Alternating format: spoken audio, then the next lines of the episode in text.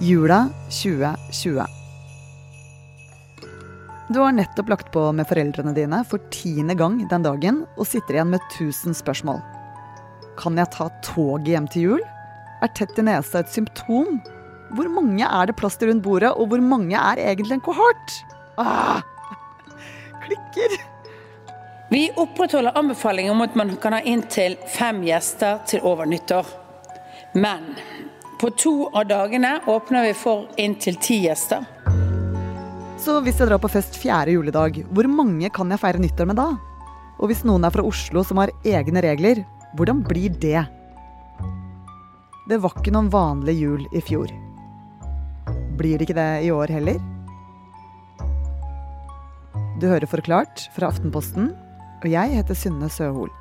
Og i dag er det mandag 22. november. Det er ikke bare kommunene som har en jobb å gjøre nå. Det har vi alle sammen. Norske... Nå føles det som om vi slår smitterekorder omtrent annenhver dag. I dag satte Norge ny smitterekord. smitterekord. Siste dagen, Det er det høyeste tallet til nå under pandemien. Det er det høyeste tallet til nå i år. Hvert døgn blir rundt 2500 smittet, og flere og flere munnbind dukker opp på trikker og busser. Og nå får kommunene lov til å bestemme om du må vise QR-koden på koronapasset for å dra ut. Men smitten stiger ikke bare i Norge. Flere land begynner å stenge ned igjen, som Østerrike, Tyskland og Nederland. Med en gang du kommer ut av flyplassen og skal på toget, så må du ta på deg munnbind. Og du, du får kjeft av enten medpassasjerer eller konduktøren hvis du ikke har det. Gunnar Kagge er journalist i Aftenposten og var i Nederland for noen uker siden. Ja, vi skulle ut og spise indonesisk. Og da når du kommer inn på restauranten, så må du stå med halvannen meters avstand til andre gjester, helt til en servitør har kommet og skannet og sjekket at du har koronapass. Enten på telefonen eller en utskrift. Det er tydelig at folk er mer redd for å stå nær fremmede enn eh, det, det vi er her nå. Så Gunnar, hvor mye smitte er det i Nederland eh, nå sammenlignet med Norge?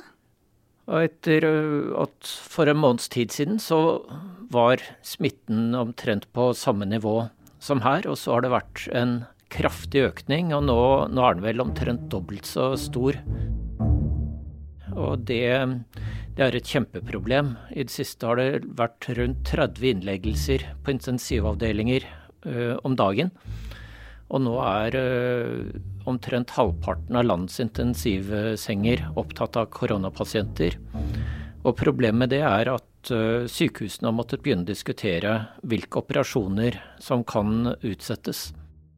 Altså Det har jo gått veldig fort. Hvordan har regjeringen reagert på dette?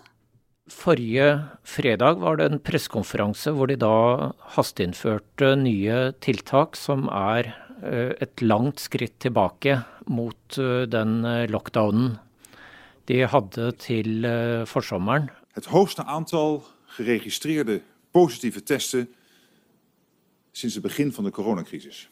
Nå er det sånn at Skal du på restaurant, så må du gå ut tidlig, for du, du blir kastet ut klokken åtte. De fleste butikker stenger klokken seks.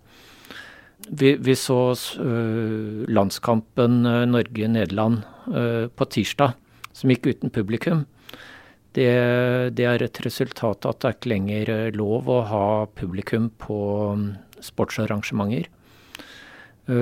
folk oppfordres til å jobbe hjemme, og kanskje mest inngripende for mange er at det, det bare er lov å ha fire gjester hjemme i løpet av en dag. Altså det er ganske strengt i Nederland nå? Ja, nå nærmer det seg det strengeste vi hadde i Oslo. Eh, da, da smitten var på det høyeste. Så da blir spørsmålet kan det samme skje her? Det er ikke så sikkert.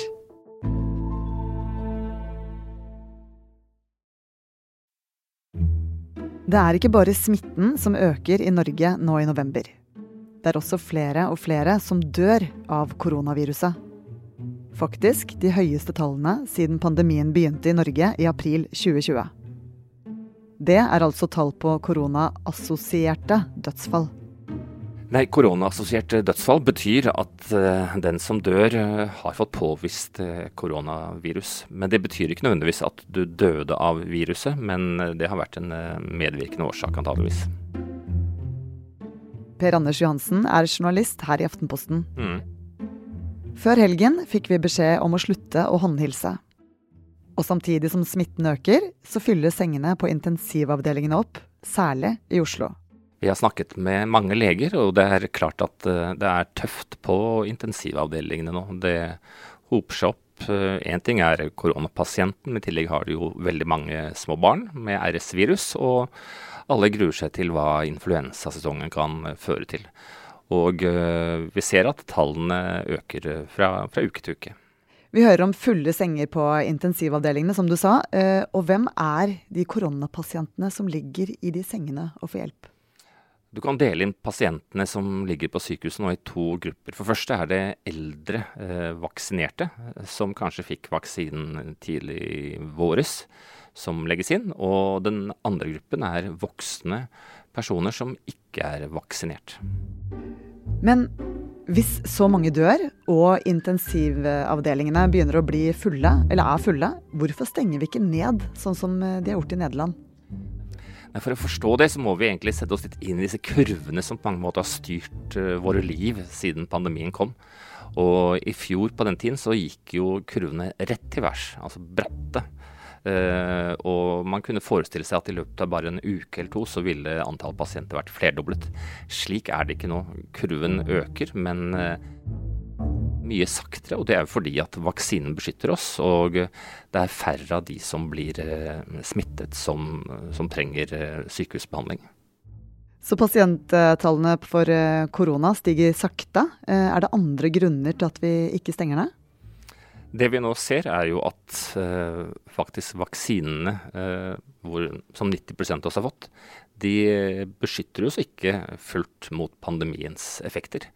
Så nå prøver jo myndighetene, ikke bare i Norge, men i andre land, å finne en måte å leve med dette viruset på. Denne vinteren, neste vinteren og kanskje flere vintre. Og dessuten så har eh, myndighetene en utfordring for, i forhold til loven. Fordi at uh, alt det som nå gjøres skal jo være regulert i loven, og da må det være forholdsmessig. Og det blir vanskeligere å pålegge f.eks. Eh, mennesker under 40 år som nesten som i veldig liten grad blir alvorlig syk av, eh, av viruset. Veldig strenge tiltak som f.eks. å sitte hjemme, ikke ha mennesker i huset eller, eh, eller andre av de strenge tiltakene vi hadde i vinter. Det sitter lenger inn rett og slett fordi det, det vil være vanskelig rent juridisk. Vi ønsker å holde samfunnet mest mulig åpent, samtidig som kommuner med utbrudd innfører tiltak for å få kontroll på smitten. Men det aller viktigste er likevel at uh, pasientstrømmen den øker ikke så dramatisk som vi, vi, så tidligere. Men hvorfor er det færre koronapasienter på sykehusene enn man forventa? Altså, vi har jo sett at uh, i forhold til det man trodde for bare en par uker siden, så ligger det nå omtrent 30-40% færre pasienter uh, på sykehusene. Men, men, det øker. Og en av grunnene kan jo være at uh, vi allerede har begynt å endre litt atferd. At uh, Du ser jo selv på tog eller, eller, uh, eller T-banen at det er litt flere som, som bruker munnbind. På Kulturarrangører sier at det er vanskelig å få fylt opp lokalene. Så jeg tror en del av det vi ser nå, er at faktisk noen har begynt å endre litt, og kanskje litt flere har begynt å følge det aller viktigste rådet, nemlig at søren, er du snufst og forkjølet, så holder du deg hjemme. Men det er jo også mange som dør nå. Eh, spiller ikke det noen rolle? En av de viktigste grunnene til at dødstallene er høye nå, er jo at eh, det var mange eh, eldre som faktisk levde lenger enn man forventet i fjor. Vi hadde knapt noe influensavirus det var en rekke andre lidelser som gikk ned. Eh, så, så, derfor stiger den, de generelle dødstallene. Men i tillegg så øker jo også koronadødsfallene ganske kraftig. Vi har de høyeste tallene nå siden helt i starten av pandemien. Og En viktig årsak til det er at det har vært over 59 utbrudd ved sykehjem og sykehus de siste ukene. Og da kommer altså smitten inn og rammer de aller mest eh, sårbare, som, som, som da dør. Men en annen veldig eh, viktig mulig årsak er jo at at kanskje effekten av vaksinene for de aller eldste, som fikk vaksiner i februar-mars, allerede er ganske kraftig svekket, og at de ikke da er så beskyttet som de var tidligere. Og det er noe av grunnen til at eldre nå får en tredje vaksinedose. Jeg tenker Det er utrolig viktig at vi gir klar beskjed om at eh, kommunene skal holde på med vaksinasjon lenge. Så selv om smitten og dødstallene øker, så blir det ikke besøksforbud og munnbind nå. Enn så lenge. Branders, må vi være forberedt på en ny koronajul? Ingen vet jo hva som vil skje eh, fremover. Eh, men eh, jeg tror ikke vi skal være redd for å få så strenge tiltak denne julen som vi hadde i fjor. Det er mange årsaker, vi har snakket om mye av det nå i denne podkasten. Men først og fremst så, så tåler sykehuset atskillig større belastning vi har nå. Og ifølge iallfall beregningene til helsemyndighetene så vil en topp i denne pandemibølgen innebære ca. 500 pasienter. Og det skal helsevesenet vårt klare å takle. Men eh, ingen kan gi noen garantier, og det blir en veldig spennende vinter i år òg.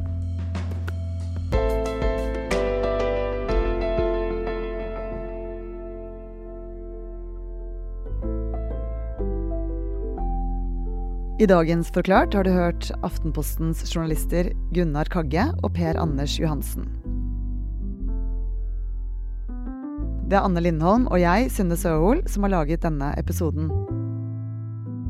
Resten av Forklart er David Vekone, Fride Næss Nonstad, Marte Spurkland, Thea Wolle Lyster og Guri Leiel Skedsmo. Du har hørt lyd fra VGTV og NRK.